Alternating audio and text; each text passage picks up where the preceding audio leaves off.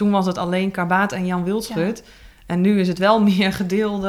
Ja, Ja, en als Ja, het echt zo het vaak is gebeurd door zoveel Ja. verschillende mensen, dan vind ik het ook wel ergens een vorm van rechtvaardigheid dat dat ook naar buiten Ja. komt. Ik ben Jelmer. Ik ben Jul. Sinds kort weten we dat we halfzus en broer zijn. We zijn donorkinderen van gynaecoloog Jan Wildschut, die in de jaren 80 en 90 zijn eigen zaad gebruikte bij vruchtbaarheidsbehandelingen. We hebben inmiddels meer dan 50 halfbroers en zussen. Samen stappen we in de auto, op de fiets of in de trein en gaan we op bezoek bij leden van onze nieuwe familie. Sommige kennen we al een beetje, andere zien we voor het eerst in ons leven. Aan hun keukentafels gaan we met hen in gesprek. Wat heeft donorkind zijn voor invloed gehad op je kindertijd? Hoe doe je dat? Opeens deel uitmaken van zo'n enorme groep halfbroers en zussen. Wat betekent het als de maatschappij jouw ontstaan afdoet als een schandaal? En was het dat eigenlijk wel? Dit is DNA-zaten. Christine en Margot, eh, ontzettend leuk dat we bij jullie welkom zijn. Eh, we zeggen jullie, want we zitten voor het eerst niet met z'n drieën aan tafel, maar met z'n vieren. Eh, hoe komt dat? Nou, omdat wij een eh, tweeling zijn en wij dachten, eh, onze zoektocht is ook een beetje gelijk opgelopen. Dus wij dachten, eh, nou, dan doen we het gezellig met z'n tweeën. Ja, dus het is eh, knus, zo hier Zeker. aan tafel. En Jules en ik delen een, eh, een microfoon. Dat gaat goed, toch, Jules? Gezellig. Ja, gaat eh, goed. Zie je, de luisteraar merkt hier niets van. Nee. Ehm, en eh, waar, waar zitten we? Wat, voor, wat voor plek is dit? Eh, nou, we zitten in Dalfsen. Dat is een dorpje vlakbij Zwolle. En we zitten in mijn woonkamer. Ik ben Margot. dus eh, ja, daar zitten we. En jij woont hier niet ver vandaan, toch? Nee, ik woon hier, ehm, nou, v- eh, 500 meter vandaan ongeveer. ja, Gezellig. ja, is dat gezellig. Dus we dachten, dat kan wel zo prima. We hebben de eer om, om bij de oudste.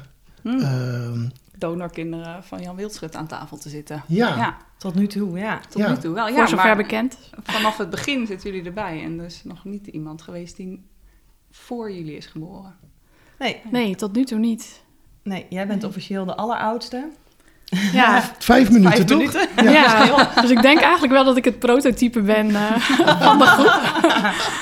Ja, jullie zijn gewoon biologisch de oudste en ook in het verhaal de oudste. Want jullie zijn de eerste match Ja, Ja, die- want- waar deze groep uit voort is gekomen. Maar Dat is helemaal bijzonder. Wat, wat kunnen jullie daarover eh, eh, vertellen? Gisteren was een bijzondere dag. Het was precies vijf jaar geleden dat wij eh, de match met Mariska kregen. En dus ja, wij vonden het een soort van jubileumdag eh, gisteren. Ja, Ja, wel bijzonder hoe het, wat er allemaal is gebeurd in de afgelopen vijf jaar. ja. Nee, als je nu kijkt in vijf jaar zitten we nu op 55. En we begonnen inderdaad met drie. Ja. Dus dat is wel eh, snel gegaan uiteindelijk. Wij vragen altijd eh, eh, de mensen eh, die wij eh, interviewen om iets mee te nemen. Wat voor hun iets, wat voor een symbool staat voor dit verhaal. Of symbool staat voor wat we met elkaar meegemaakt hebben. Eh, dus Christine, ga je gang. Ja, eh, nou wat ik heb meegenomen is een, eh, een schilderijtje. En ehm, dat schilderijtje eh, heb ik een paar weken geleden eh, gemaakt. Maar Mariska en Margot die hebben hetzelfde schilderijtje gemaakt een paar weken geleden. We hebben het ook samen gemaakt ehm, toen we bij elkaar waren. En we dachten, eh, nou, omdat het een bijzondere maand is, augustus... ehm, dan leek het ons wel mooi om dan ehm, dat te vieren vast te leggen... eh, symbolisch met een schilderijtje... wat we dan alle drie zouden maken. Dus het is een schilderijtje waarop drie vrouwen elkaar ja, omarmen, zeg maar. Ze staan Mhm. met z'n drieën naast elkaar. En dan, ehm, dat staat dan symbool voor ons drieën. En ehm, dat we heel blij zijn en dankbaar hoe, het, hoe, hoe, we nu na vijf jaar nog zo samen eh, zijn. Want dat hadden we vijf jaar geleden misschien ook niet verwacht. Het is dan toch een beetje onzeker als je elkaar ontmoet van... ja, hoe gaat dat zijn? Dat weet Ja. je natuurlijk niet. Wordt het een zus of wordt het een Ja. kennis? Of ja, wat? Ja. ja, en dan vind ik het zo mooi dat we na vijf jaar ehm, zo, nog, nog zo'n goede band hebben, zeg maar, met elkaar. En dat ook echt eh, de blije dingen delen met elkaar, maar ook wel de, de, de nare dingen, de verdrietige dingen. En dat we er echt zo voor elkaar kunnen zijn, dat dat nu al vijf jaar is. Dus daarom is dit een bijzonder schilderijtje voor mij. En een mooi detail vind ik op het schilderijtje is dat jullie, als je kijkt naar de achterkant, naar de achterkant van drie vrouwen die elkaar omhelzen en jullie haar is dan samengevlochten tot één vlecht. Ja, dat klopt. Ja, als symbool van onze zussenband. Ja, verweven met elkaar. Ja, precies. Ja, en de haarkleuren kloppen ook nog een beetje met onze echte Ja, haarkleuren. Ja. Omdat we eigenlijk alle drie, eh, nou ja, we gaan van blond eh, naar donker, zeg maar. Dus eh, ja, Ja, dus dat Komt is een, overeen. het is een mooi plekje nu in mijn Ja. huis gekregen. Snap ik. Hey, en Margot, jij hebt een eigen voorwerp ook nog meegenomen. ja. Ja, ik heb eh, een babyboek meegenomen. Dat is eigenlijk een fotoboek wat eh, onze moeder, zeg maar, heeft bijgehouden van de eerste weken na onze geboorte.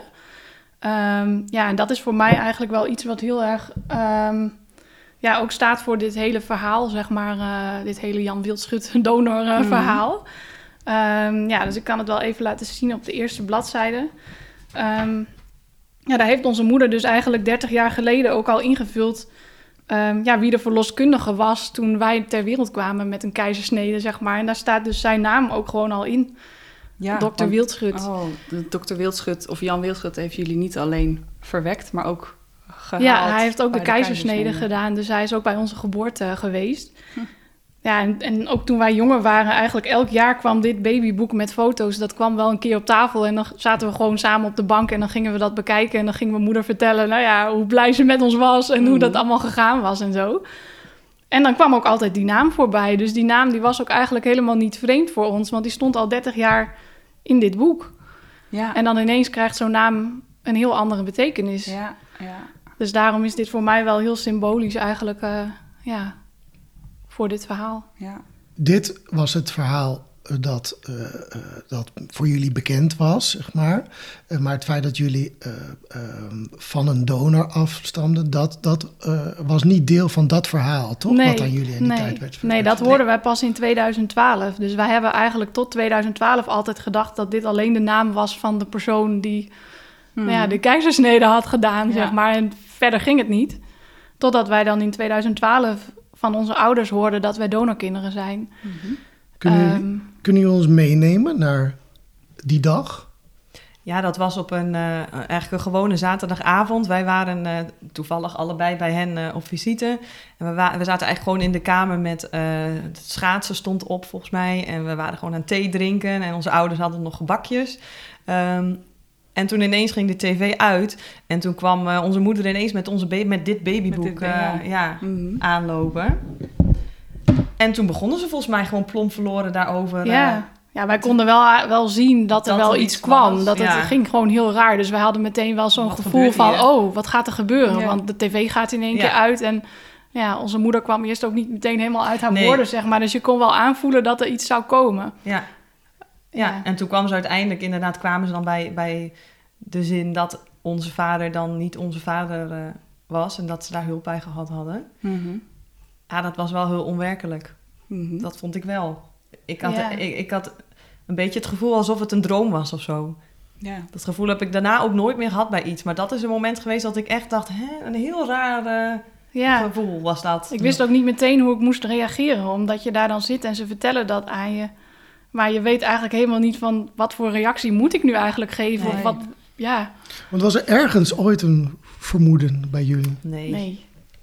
nee, Ik heb Nee. nooit gedacht dat dit het geval zou zijn. nee. Maar ik weet nog wel dat wij direct ook onze vader en ook onze moeder dan ook wel gingen troosten. Zo, dat, we, dat we het zielig vonden voor onze vader. Ja, ook vooral. naar hem toe ook. Dat Ja. we meteen zeiden van... oh, maar het maakt toch maakt helemaal niet uit. En eh, je blijft gewoon onze vader. Dus dat we ook wel meteen naar hem toe hadden... we heel sterk meteen ook zo'n gevoel van... ja, dat we dat, hem ja, dat we dat tegen hem moesten Ja. zeggen juist ook. En pas misschien in tweede instantie dat je gaat nadenken over... oh, wat betekent dit eigenlijk voor mezelf? Ja, Ja, en dat, en dat wij, wij vroegen ook best wel snel van... maar is er dan echt niks meer te vinden? Is er niks genoteerd over wie die eh, donor dan geweest is? Ehm, dat zij ook aangaf van... nee, volgens mij kan je daar niks over vinden. Daar is niks over, eh, Nee. op gen- over genoteerd. Dat, en daar, ik weet nog dat ik toen al wel dacht van... nou, ik weet niet, dat zullen we dan... dit- dat Dat zullen we zullen we dan nog zien. eens Maar zien. nou, ik, ja, ik had wel direct dat gevoel van... nou, maar ik wil wel op Hier zoek. Ja, en dat had ik heel snel dat ik dat wel dacht. ja jij had dat wel Ja. iets sneller dan ik, denk ik. Mhm. Ja. Tenminste, ik weet nog wel dat ik toen die eerste avond nadat we het net gehoord hadden, dat ik toen op een gegeven moment weer thuis was en dat ik toen ook echt voor de spiegel heb gestaan. En dat was een hele rare ervaring. Dat ik naar mezelf keek en dat ik dacht, er is ineens een derde persoon bijgekomen. Maar Ja. Dat voelde heel vreemd. Alsof die daar eigenlijk nog niet mocht zijn of zo. Mhm. Misschien is dat ook nog meer omdat wij tweeling zijn. Eh, wij zijn een twee-eigen tweeling. En Christina had dus altijd gehoord dat zij heel veel op onze moeder leek. En mensen zeiden dan altijd, oh, en Margot die lijkt op de vader. Ja. En dat bleek dus in één keer niet te kloppen. Dus Oh, daardoor ja, was ik ja. misschien ook nog iets meer op zoek naar... Mhm. Ja, van Ja, wie ik heb was- ik dat dan ja. wel of zo. Deed het nog iets met hoe jullie naar elkaar keken? Nou, wij ehm, begonnen ook te twijfelen of wij wel volle zussen waren. Ja. Dus daar hebben we best wel eh, dat we daarover in zaten. Want dat, dat is iets wat dan opeens technisch niet meer per se hoeft.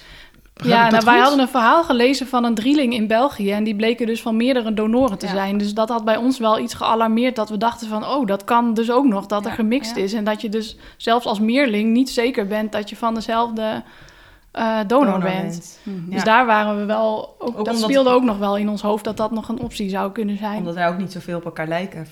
Nou ja, Nee, we lijken op qua- elkaar, maar niet... Ja, eh, maar niet qua uiterlijk. Nee. Nee, Nee. nee, zeker niet. En toen hebben jullie dus ingeschreven bij de FIOM eh, DNA-databank. Ja, En- dat was ook in 2012 nog. Mhm.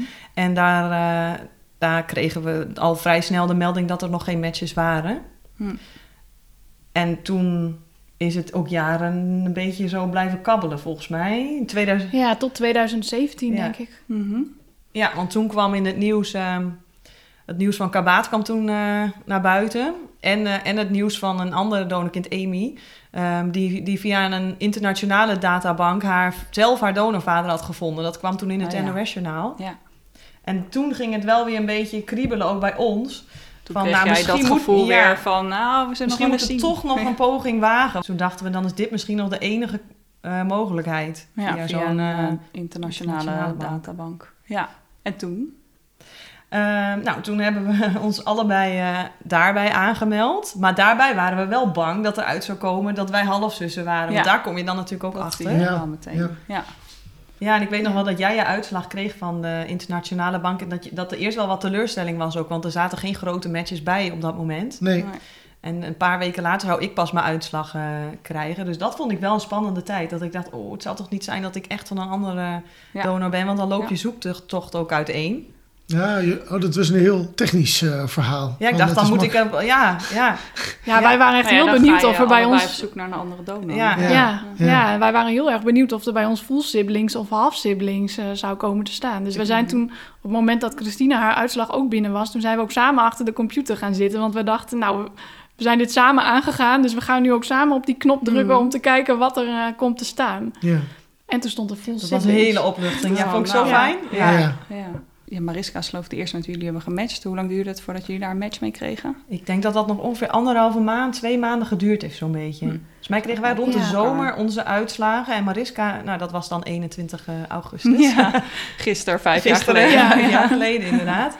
Ja, Ja, en toen kwam jij er vrij snel achteraan, drie weken later, Jelmer. En we hebben in de podcast met Mariska zijn we vrij uitgebreid ingegaan op hoe het toen verder is gegaan. En jullie zijn stamboomonderzoek gaan doen. Mhm. Om te kijken, hebben we gemeenschappelijke voorouder met iemand? En hoeveel DNA delen we? En uiteindelijk kwam daar dan uit...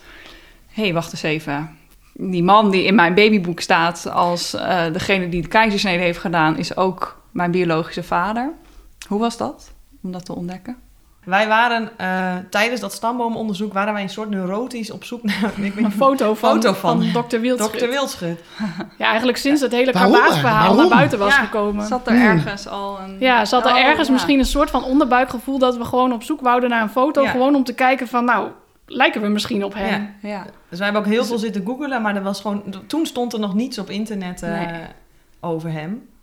nee, dus daar kon je niks over vinden Nee. nog. Nee. Ergens diep van binnen heeft het dan wel toen een beetje gesluimerd van misschien, eh, misschien zou dat een optie... Ja, ik weet niet. Waarom, waarom deden we dat anders? Ja, dat weet ik niet. Maar we werden wel een beetje, we kregen, ja, dat we wel heel erg op zoek waren naar Ja. informatie over hem. Mhm. Ook wel omdat we misschien dachten dat hij misschien eh, degene was via wie we een antwoord zouden Ja. kunnen krijgen op wie de donor was geweest. Ja, precies. Dat Alsof zat er ook nog misschien nog zou kunnen contacten. Van, Ja, oh, ja. was al. En misschien ook extra getriggerd omdat dat nieuws van, eh van Kabaat natuurlijk ook al naar buiten was gekomen. Ja, ja. Maar toen het echt, eh, toen wij dat eerste mailtje dan kregen eh, dat het zo was, toen dacht ik wel, nou, toen viel ik even stil, denk ik. Ja, we waren in het begin best wel geschokt. Ik weet ook wel dat we toen in de appgroep die we al hadden, dat het ook echt heen en weer ging eh, tussen iedereen die zeg maar gewoon echt heel erg verbaasd was. En ergens had ik misschien toen dat op een gegeven moment een beetje bezonken was, ook wel een soort opluchting dat ik voor mezelf dacht, mijn zoektocht is voorbij. Ja. En ik heb een antwoord. Ook al wisten we verder op dat moment nog niks over hem. Mhm. Maar dat was het ook wel een beetje. Dat Ging ik dacht van nou, weer, ja, ik hoef niet de rest ook. van mijn leven eh, te blijven zoeken naar wie het Ja. geweest is. Want ik weet het nu.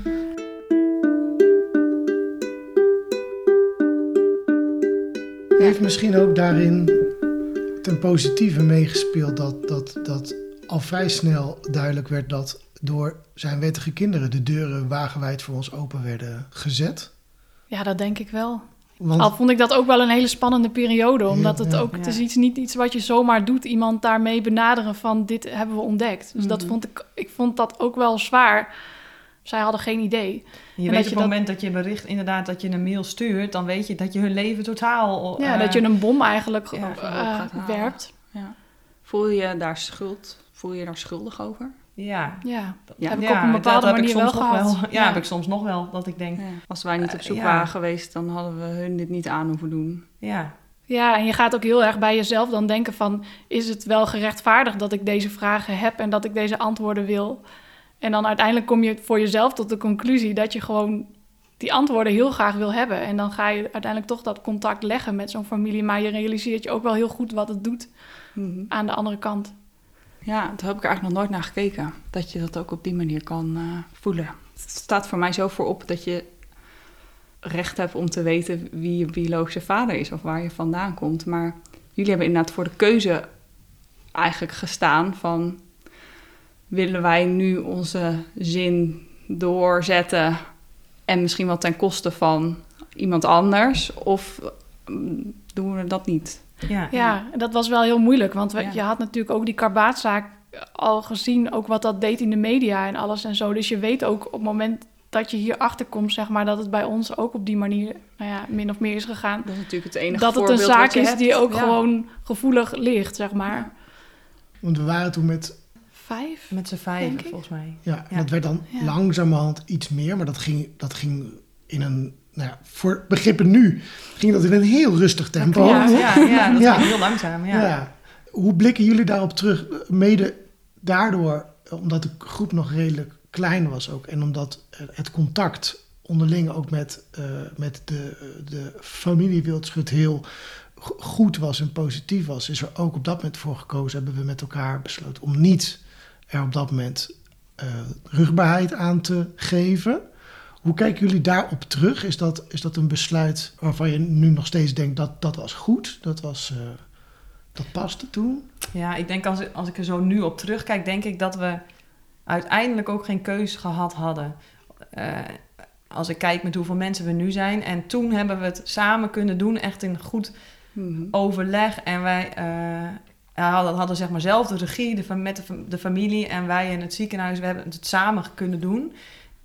Ja, er was altijd iemand gekomen die het anders toch naar buiten had gebracht. eh, op een manier misschien die minder zorgvuldig zou zijn. Het klinkt- Ja. Ja. Toen had je, nog- ja, ik denk wel dat het, Ja, en het, het ontwikkelde zich ook. Ja. We waren in het begin met vijf en in het begin ging het ook niet zo hard met de nieuwe matches die erbij kwamen. Dus dan, ehm, nou ja, dan kwam er telkens één iemand bij en dan Mhm. hadden wij wel de druk van we moeten diegene vertellen hoe de situatie is. En dat, vond, dat is gewoon heel zwaar om te doen, vind Mhm. ik. Als, je, als er een nieuwe match is en jij moet degene vertellen Ja. hoe dat zit.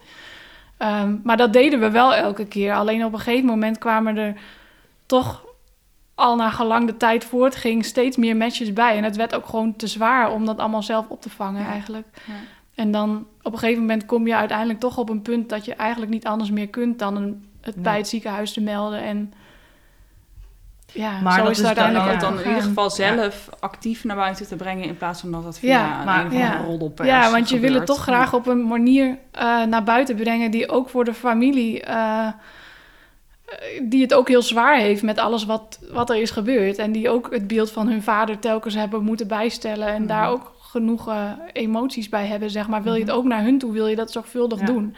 En dan kun je uiteindelijk, denk ik, niet anders dan dat je dat probeer het zelf te doen voordat het je een keer overkomt. En dan heb je Ja. niks meer wat maar je dat kunt... was wel eh, een worsteling, want wij zelf hebben het niet gemeld bij het ziekenhuis. Want wij dat punt niet, wij konden dat niet doen. Je, eh, onze ouders hebben het uiteindelijk gemeld bij het ziekenhuis. Ja. Eh, Ja, omdat je dus in zo'n eigenlijk... Dat je- eh, ja, hoe noem je het? bent Een loyaliteitsconflict ja, ja, is het. Precies.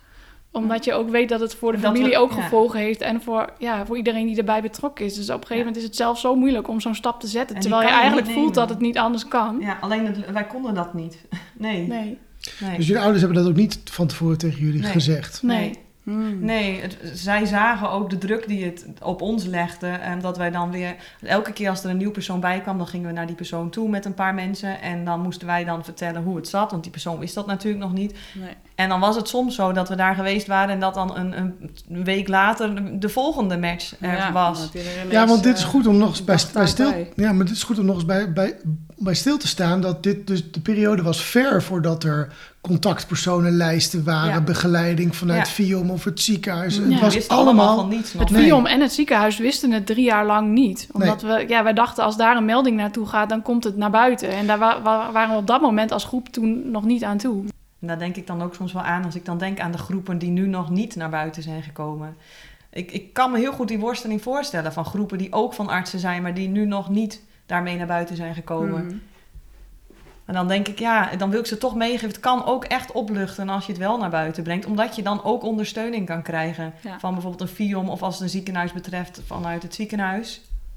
Ja. Ja. Eh, Sowieso, dat is, best interessant. Eh, dat is wel een interessante vraag. De, het, afgelopen, het afgelopen jaar zijn er een, een, nu een aantal eh, meer gevallen bekend geworden van Mhm. gynaecologen eh, die, die eh, hun eigen zaad hebben gebruikt en waar dus soms ook best wel grote groepen uh, donorkinderen uit zijn voortgekomen. Voel je dan mee met zo'n groep? Merk, mer- Ja. merk je dat? Ja, ik heb dat wel. Ik vind Ik dat ook. elke keer dan komt het wel weer heel erg binnen als er zo'n bericht in het nieuws is. Ja, dan zit ik zo weer ook in dat gevoel, eh, Mhm. ja, hoe het was eh, op het moment dat wij naar buiten traden daarmee, zeg maar. En hoe heftig dat was, dat, ja, dat voel je Mhm. dan wel weer. ja, zo'n zo'n proces is gewoon echt wel heftig om mee te maken. En ook als je op een gegeven moment de datum weet, dat het die datum is. Ik weet nog wel dat ik een paar dagen van tevoren echt al stress had. Van, dat Ja. is die datum wordt het. En, en dat ik dacht, oh dan... Want het is zo lang iets van, van, je, ja, van een klein groepje Ja, geweest. Het was eigenlijk al drie jaar lang was het iets van ons, zeg maar. Wij wisten het allemaal. En je weet gewoon op het moment dat het naar buiten gaat, dan is het uit je handen. Ja. En Dan is het van de hele wereld. Mhm. Ja, en iedereen vindt er wat van en heeft er een mening over. En dat is ja, niet altijd leuk om te lezen. Dus ik had ook heel gek wel een klein beetje het gevoel alsof wij hem zelf op het schavot zetten, zeg maar. Zo Mhm. voelde het voor mij echt een beetje. Dat we hem daar neerzetten van, nou, nu mag de hele wereld eh, ja, hier iets van vinden. Ja. En dat, ja, dat vond ik moeilijk. Ja, en ook wel omdat je natuurlijk in die drie jaar... wij ook heel veel ja, meer persoonlijke dingen echt over zijn persoon hebben gehoord... waardoor je misschien ook... eh, en ook hebt gezien wat het met de familie ook doet... en dat hij ook een vader is geweest en een opa voor mensen die wij gesproken hebben. En dat het je dan voor hun ook een beetje pijn doet wat er te gebeuren staat eigenlijk. Mhm. Ja. En ja, dat vond ik zwaar. Ja, dat hun vader en iemand van wie ze hebben gehouden publiek... eh, ja, en dat je misschien toch ergens een beetje het gevoel hebt... alsof jij op dat moment degene bent die hun dat aandoet. Mhm.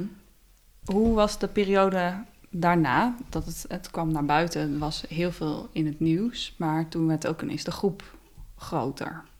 Ja, dat ging ook best wel vlot na de publicatie volgens mij. eh, ja. Ja. Het was een hele, hele chaotische dag was dat. Ja. Het werd door echt landelijk opgepikt inderdaad. Ja. En dat, Tot aan het acht uur journaal Ja. en op één. En volgens mij hadden jullie nog bij veel meer eh, talkshows aan. Ja, maar dat was ook wel, daarom was het ook wel fijn dat we dit ook samen met het ziekenhuis Ja. naar buiten hebben kunnen brengen. Want het ziekenhuis heeft toen ook wel een soort van buffertje ertussen gelegd, zeg maar, om, om alle betrokkenen een beetje uit de wind te houden. Dus zij hebben ook Mhm. heel veel persdingen hebben zij opgevangen en ook wel, ja, dat een beetje gestroomlijnd, zeg maar. Mhm. ja.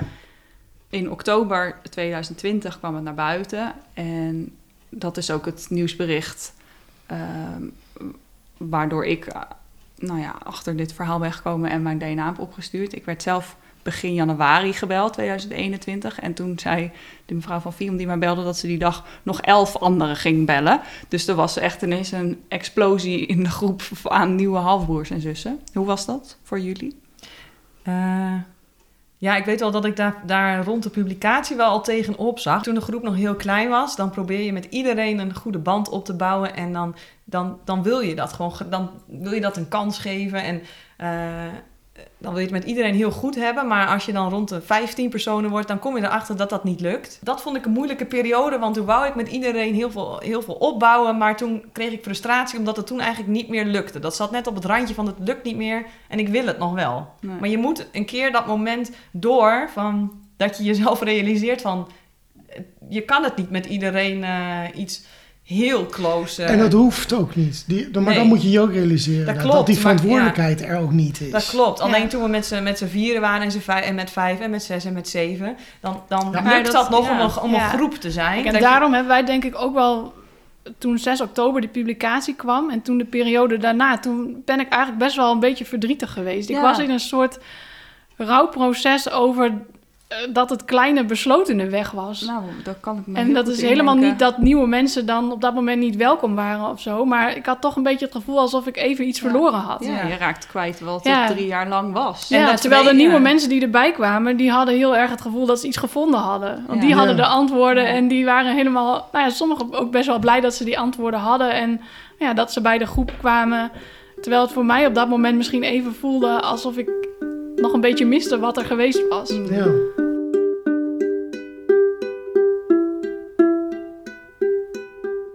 Je, je noemt het rouw, en dat, die, die begrijp ik heel goed. Is dat één periode geweest waarin je daar, dat af moest sluiten of zo? Of is dat een gevoel dat af en toe nog, nog terugkomt? Hoe, hoe, hoe, hoe is dat nu? Ehm, nou, ik, denk, ik denk dat het soms misschien nog een soort weemoed is als ik terugdenk aan hoe het begin uh, was. Maar tegelijkertijd uh, is het ook goed zoals het nu is. Hmm. En ja, we hebben nu een paar keer ook wel met uh, heel veel nieuwe mensen erbij afgesproken. En dat is ook gewoon weer mooi. En ja, dat vind ik dan ook wel nu ook leuk om weer nieuwe mensen te leren kennen. Mm En uh, ja, dus in die zin heb ik wel vrede mee met hoe het nu is. Maar het is gewoon wel een proces geweest. En als je het vanaf het begin hebt meegemaakt, dan is het elke keer schakelig geweest. Er is nooit een situatie geweest eigenlijk waarvan je kon denken... nu, dit is het en hier kan ik me op instellen. Maar elke keer verandert het weer. en moet je je weer aanpassen, en bijstellen. En oh, ja, en dat heeft gewoon best wel veel energie gekost. Ik moest er nog aan denken, Christine, omdat je het net zei over... Ehm, ehm, je wil, zeker als die groep nog niet zo groot is... Uh, je wil heel graag een, band met, met, met, met iedereen opbouwen. Je wil ook, uh, dat weet ik nog heel goed, dat we in die tijd ook heel belangrijk vonden dat iemand zich echt welkom voelde als hij nieuw bij de groep kwam. Um, en, en, en dat je op een gegeven moment de worsteling krijgt. Hoe ga je dat nog in, in, vredesnaam doen als je, mm als je zo'n grote groep wordt? Maar ik vond het wel mooi toen we hierheen reden. Um, uh, toen blikte jij, Il, mm ook een beetje terug op hoe het voor jou was. Um, uh, toen je voor het eerst bij de groep kwam. En bijvoorbeeld ook de, de, de tekstjes las die mensen over zichzelf hadden, uh, ge, hadden geschreven. Ja. En dat jij daar volgens mij een heel welkom gevoel bij kreeg. Of een warm gevoel. Zeg ik dat goed? Of ja, nee, dat klopt.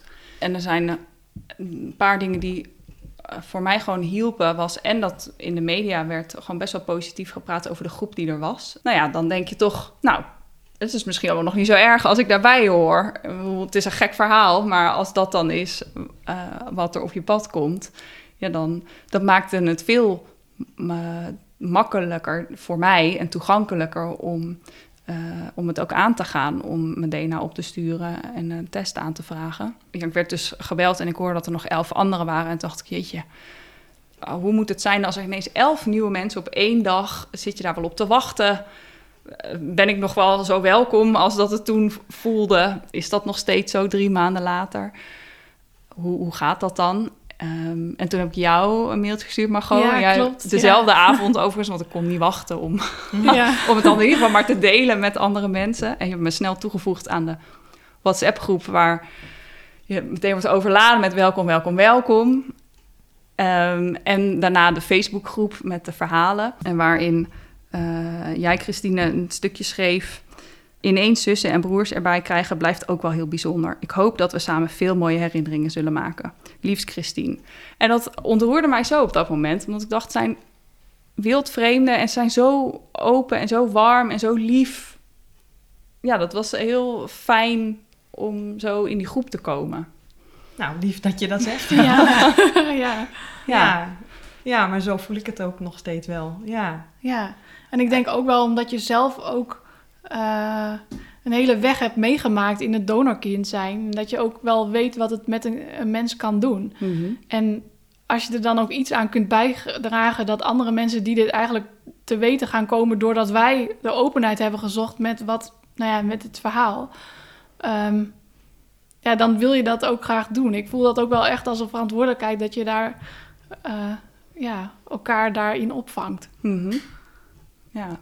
ja, mooi. Ik denk dat dat voor een heel groot deel heeft bijgedragen aan hoe we het nu nog steeds doen. Als er nieuw iemand Ja. in de groep komt, Ja. die wordt Ja. overladen met berichtjes en gifjes. Hallo, welkom bij de Ja. club. Wat fijn Ja. dat je er bent. En dat blijft eigenlijk, ja, iedereen wordt Ja. heel warm ontvangen. Ja. Ja. ja, dat is ook wel zo. En ondanks dat het dan ook wel moeilijk is soms, dan ben ik ook wel dankbaar voor de groep die er nu is. En wat we, het is ook wel heel bijzonder zo, zo in zo'n groep te zitten. Ja, vind ik ook. Ja. Want dat is het mooie eigenlijk, dat ehm, terwijl dit, natuurlijk dit verhaal en het feit dat we van Jan Wildschut afstammen, en dat is eh, eh, eh, iets waar, waar helemaal niet iedereen heel erg blij mee is, zeg maar. Of dat, dat, dat zeg ik even heel subtiel. Eh, maar dat zegt niets over hoe je als groep met elkaar bent. Klopt. En ehm, hoe je het beste met elkaar voor kan, Mhm, kan hebben. Is het moeilijk om, ehm, om te merken dat er bijvoorbeeld in de groep ook mensen zijn die, eh, ehm, eh, die bijvoorbeeld he- heel boos of gekwetst of verdrietig zijn? Is dat lastig? Of, Ja, het mag er zijn. Ja, en ik snap het ook. Ik snap het ook wel. Dat mensen... eh, ik vind het soms zelf ook lastig. Bij mij gaat het soms ook heen en weer. Toen ik Ja. hoorde van het KIE gebeuren, dacht ik... pff, eh, dan verandert je beeld Ja. ook weer. ehm, Ja. dus Ook dat is eigenlijk voor ons ook een continue... ja, eh, ja, van, vanaf 2017 dat we 17. wisten dat Jan Wildschut de donor was... is het eigenlijk ook een continu aangepas, aanpassen geweest van hoe moet ik naar hem kijken. Mhm. Want elke keer kwamen er ook weer nieuwe dingen aan het licht of je hoorde weer andere dingen. Dus dat is ook iets wat de hele tijd ook een beetje heen en weer gaat in je eigen beleving. ja, van wat vind ik Eh, nou eigenlijk van ja. hem? Ja. Ja, En heb je daar nu één antwoord op? nou misschien nog steeds niet. Nee, nee. nee. nee, Nee. ik denk alleen wel doordat wij in het begin nog wel de kans hebben gehad om ook met mensen te spreken die hem als persoon gekend hebben. Ehm, ja, dat ik daardoor voor mezelf misschien ook altijd nog wel ook zijn menselijke kant Mhm. probeer voor ogen te houden. Want in de media wordt er natuurlijk best wel eenzijdig, wordt iemand heel erg neergezet als alleen maar ditgene wat hij gedaan heeft. Ja. Ja. En ehm, hij is uiteindelijk wel meer geweest dan dat. Hij is ook een vader geweest en een opa. Ja, En hij heeft ook wel ook weer talenten doorgegeven. Bijvoorbeeld dat muzikale stukje ben ik heel blij mee dat ik dat heb. Mhm. Het komt niet van, dat komt echt niet van eh, mijn moeder, onze moeders kant. Daar komt het niet vandaan. nee. En ik ben gewoon heel blij dat ik dat wel heb. Dat ik gewoon Ja. veel in de muziek kwijt kan ook. Ja. Ook in, in zulke lastige periodes. En dat was maar. voor ons En- ook wel echt een puzzelstuk Ja, wat toen op zijn plek viel. vandaan? Toen we dan hoorden dat hij eh, ja, ook veel met muziek had. En dan is dat op een bepaalde manier ontroert je dat dan ook weer. Als je dan zo'n eh, iets wat voor jezelf zo essentieel is, dan ineens op zijn plek ziet Mhm. vallen. Mhm. Ja, dan is het heel lastig als je dat soort fijne dingen herkent in iemand, om dan tegelijkertijd ook boosheid of Ja, maar het bestaat Eh, gewoon andere- naast ja. elkaar. Want Ja. tegelijkertijd worstel je ook heel erg met bijvoorbeeld wat er met KIE is gebeurd. Dat je denkt, ja, hoe heeft die dat kunnen doen? Mhm. En die worsteling die blijft gewoon, denk ik. Ik denk dat daar nooit een, een, Nee, een antwoord echt op gaat komen. nee. Is het ergens ehm, voor het beeld van Jan Wildschut, hoe zeg ik dit nou? Ja, prettig is niet het goede woord, maar ik zeg het toch. Het is een verkeerd woord, maar ik gebruik het toch. Prettig geweest dat er nu meer gevallen bekend Hmm. van worden in Nederland. Dus dat het niet meer wordt gezien als een soort freak incident, maar dat dat blijkt veel vaker te zijn voorgekomen. Eh, ja, ik denk het wel. Ja. Ja, en als Ja, het echt zo het vaak is gebeurd door zoveel Ja. verschillende mensen, dan vind ik het ook wel ergens een vorm van rechtvaardigheid dat dat ook naar buiten Ja. komt. Ja. Omdat het daarmee dat beeld van hoe dat in die tijd is gegaan wel completer maakt. Ja. ja, dat je niet meer een individu wegzet Ja. als een gek, maar dat het blijkbaar iets structurelers is geweest. Ja. Want Ja. er zijn nu tien Ja. dokters in Nederland die in de jaren 80 en 90 hun eigen. Ja, dus blijkbaar is die drempel voor die mensen op dat moment toch heel laag geweest om op deze manier te handelen.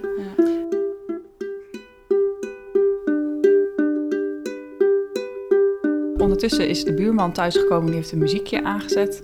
Dat horen we misschien heel zachtjes op de achtergrond. Maar goed, dan gaan we verder naar de DNA-vragen. De Ja. DNA-vragen is een lijst aan vragen die wij hebben opgesteld. En aan de hand van het ehm, bingo-rad wordt bepaald welke vragen jullie moeten beantwoorden. En eh, ja, wat we met de antwoorden doen, daar heeft jou maar een heel idee over. Die wil daar een eh, Nee. onderzoek van Oh, opzetten. leuk. Briljant. Statistische eh, dat, wordt, dat, wordt, dat, daar gaan we statistieken op, Mhm. loslaten. En dan wordt eindelijk het wereldwijde raadsel... wat is nou nature, wat is nurture, wordt opgelost. Ja. Dankzij ons. Als je er eh, klaar voor bent, dan... eh Margot, wil als het staat bij jou. Wil jij als eerste een balletje trekken? Oh, is dat Hoe werkt dit? Ehm, dit is nummer 55. 55. Nummer 55. Wat is je lievelingsmuziek? Eh, nou, eh, niet deze muziek van de buurman. Oh, 90s Revival om Ehm, 8 uur 's ochtends nou- op zondag? Ik kan een 90s revival soms wel waarderen. Oeh, kijk. Als dat af en toe op de radio is, want dat is wel de periode ehm, dat ik op de middelbare school zat. Ja. En die periode blijft wel heel erg hangen. Dus als ik de Spice Girls hoor of de Backstreet Ja. Boys, dan ga ik toch stiekem altijd wel even meezingen. Dus soms is dat best even lekker. En eh, ja, verder hou ik eigenlijk wel van heel veel dingen. Dus ik vind country countrymuziek leuk, maar soms ook iets klassieks. Ik speel ook een beetje piano, dus dat vind ik ook mooi. Eh, ja, dus eigenlijk wel heb ik niet echt één hele erg favoriet. Nee, van alles wat. Ja, Ja, en muzikaal aangelegd dus. ja, ja. En Christine, mag gewoon jullie zingen ook af en toe samen. Ja, leuk. Ja, dat klopt. Ja, ik speel dan gitaar en piano. En ik hou ook heel erg van zingen.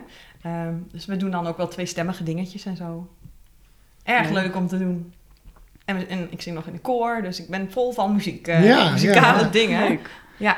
En wat is jouw Ja. lievelingsmuziek dan? ja, het is een beetje saai, hetzelfde als Margot. Ook, ook wel heel breed. Ja, ik hou niet echt van hard rock of zo. Hm. Dat is niet echt mijn ding, maar ja, de 90 country, gospel vind ik ook wel leuk. Ehm, gewoon popmuziek, het is wel heel breed. Hm. Techno? Nee, dat is ook niet echt ook mijn ding. Nee. En eh, er zijn een hoop muzikale mensen binnen de, de, de donorkinderengroep. Ja, ja, ik zou graag nog een keer iets muzikaals doen met Ja. Nou, zeggen, groep, ja. het- er kan een keertje een koor Ja. worden eh Ja, gevormd. dat zou me dan, zou De band is nog niet echt van de grond gekomen, Nee. maar we houden Ben ons jij, eh, ben jij muzikaal, Jelmer? Ik drum. Nou, Oh ja, dat is waar. Jij hebt ook een eh, blauwe maandag. eh, Zeker, zeker. Ik Oh, heb kijk. vier drumlessen gehad. Maar heel lang piano gespeeld ook. En eh, En, dus misschien wel leuk om te noemen, de, eh de Oh ja. gitaar-tokkelmuziek die jullie af en toe door deze podcast heen horen, wordt allemaal ingespeeld door Oh, leuk. ja, Kijk. het is geen gitaar, het is een ukulele. Ho, ho. Ja, ho, ho, ho, ja. We moeten maar eens inventariseren in de groep wie wat Ja. allemaal speelt. Eh, we, we zouden een big band kunnen vormen. Ja, met Ja, dus een van big band en een koor. big band. Een big band en een koor. En een koor. En een koor, ja. Dat kan makkelijk samen. Dank jullie wel. Helder. Ja. Eh, Christine, zou jij de tweede eh, Ja. bingo-bal willen draaien? Oh, hij valt. Oh, ai. Nummer 68. Eh, ja, 68. 68. Ja, die sluit er misschien een beetje op aan. Dat weet ik Ja, eigenlijk weet niet. Misschien. Misschien wel iets heel anders. Wat is jouw talent? Ja, dat sluit daar dan wel bij Ja, Ik denk dat. Ja, Muziek. ja, creatief met muziek. Jouw werk heeft niet zoveel met muziek te maken, of Ik ben logopedist. Dus op zich de Oh, stem, eh, stem. ja, de stem, ademstem, eh, dus dat, eh, dat komt daar wel, ook wel weer in terug. Ja, Ja, leuk. Ja. En jij, Margot, wat is jouw talent? Ehm, nou ja, mijn, mijn talent is denk ik meer tekenen en schilderen. Dus echt een beetje grafisch bezig zijn. Ehm, ja, en het zingen, ik zing eigenlijk alleen de tweede stemmen. En Christine die bedenkt alles. Dus ik ben niet het creatieve brein daarachter. Dus dat is niet echt mijn talent. Ik vind dat wel leuk om te doen. Maar ja, tekenen en schilderen is wel meer echt mijn ding, zeg maar. Volgens mij zie ik zo hier en daar ook wel wat hangen aan de muur eh, van jou. Ja, dat klopt, ja. Op een gegeven moment wordt je eigen huis een beetje... Ja, al je muren gaan Ja. vol. ja. ja, dus dat vind ik gewoon wel heel leuk om te doen. Ja, Leuk. En dat is een talent wat je ook met velen uit de groep eh deelt. ja dat zie ik wel echt veel terug. Ja. Ja, Ja. ja mensen wel creatief eh, aangelegd zijn. De derde en laatste DNA-vraag. Is dan een nummer 32. Nummer 32. Wat zou je willen veranderen aan de wereld? Oh, Oeh, ik zou... dat is een eh, moeilijke vraag. nou- oh, jij hebt al een antwoord. Nou, dat de, men- de wereld mag wel wat verdraagzamer zijn naar elkaar, denk ik. Eh, ja. Er zijn best veel mensen in de wereld die, eh, die tegenwoordig heel snel een kort lontje hebben. Mhm.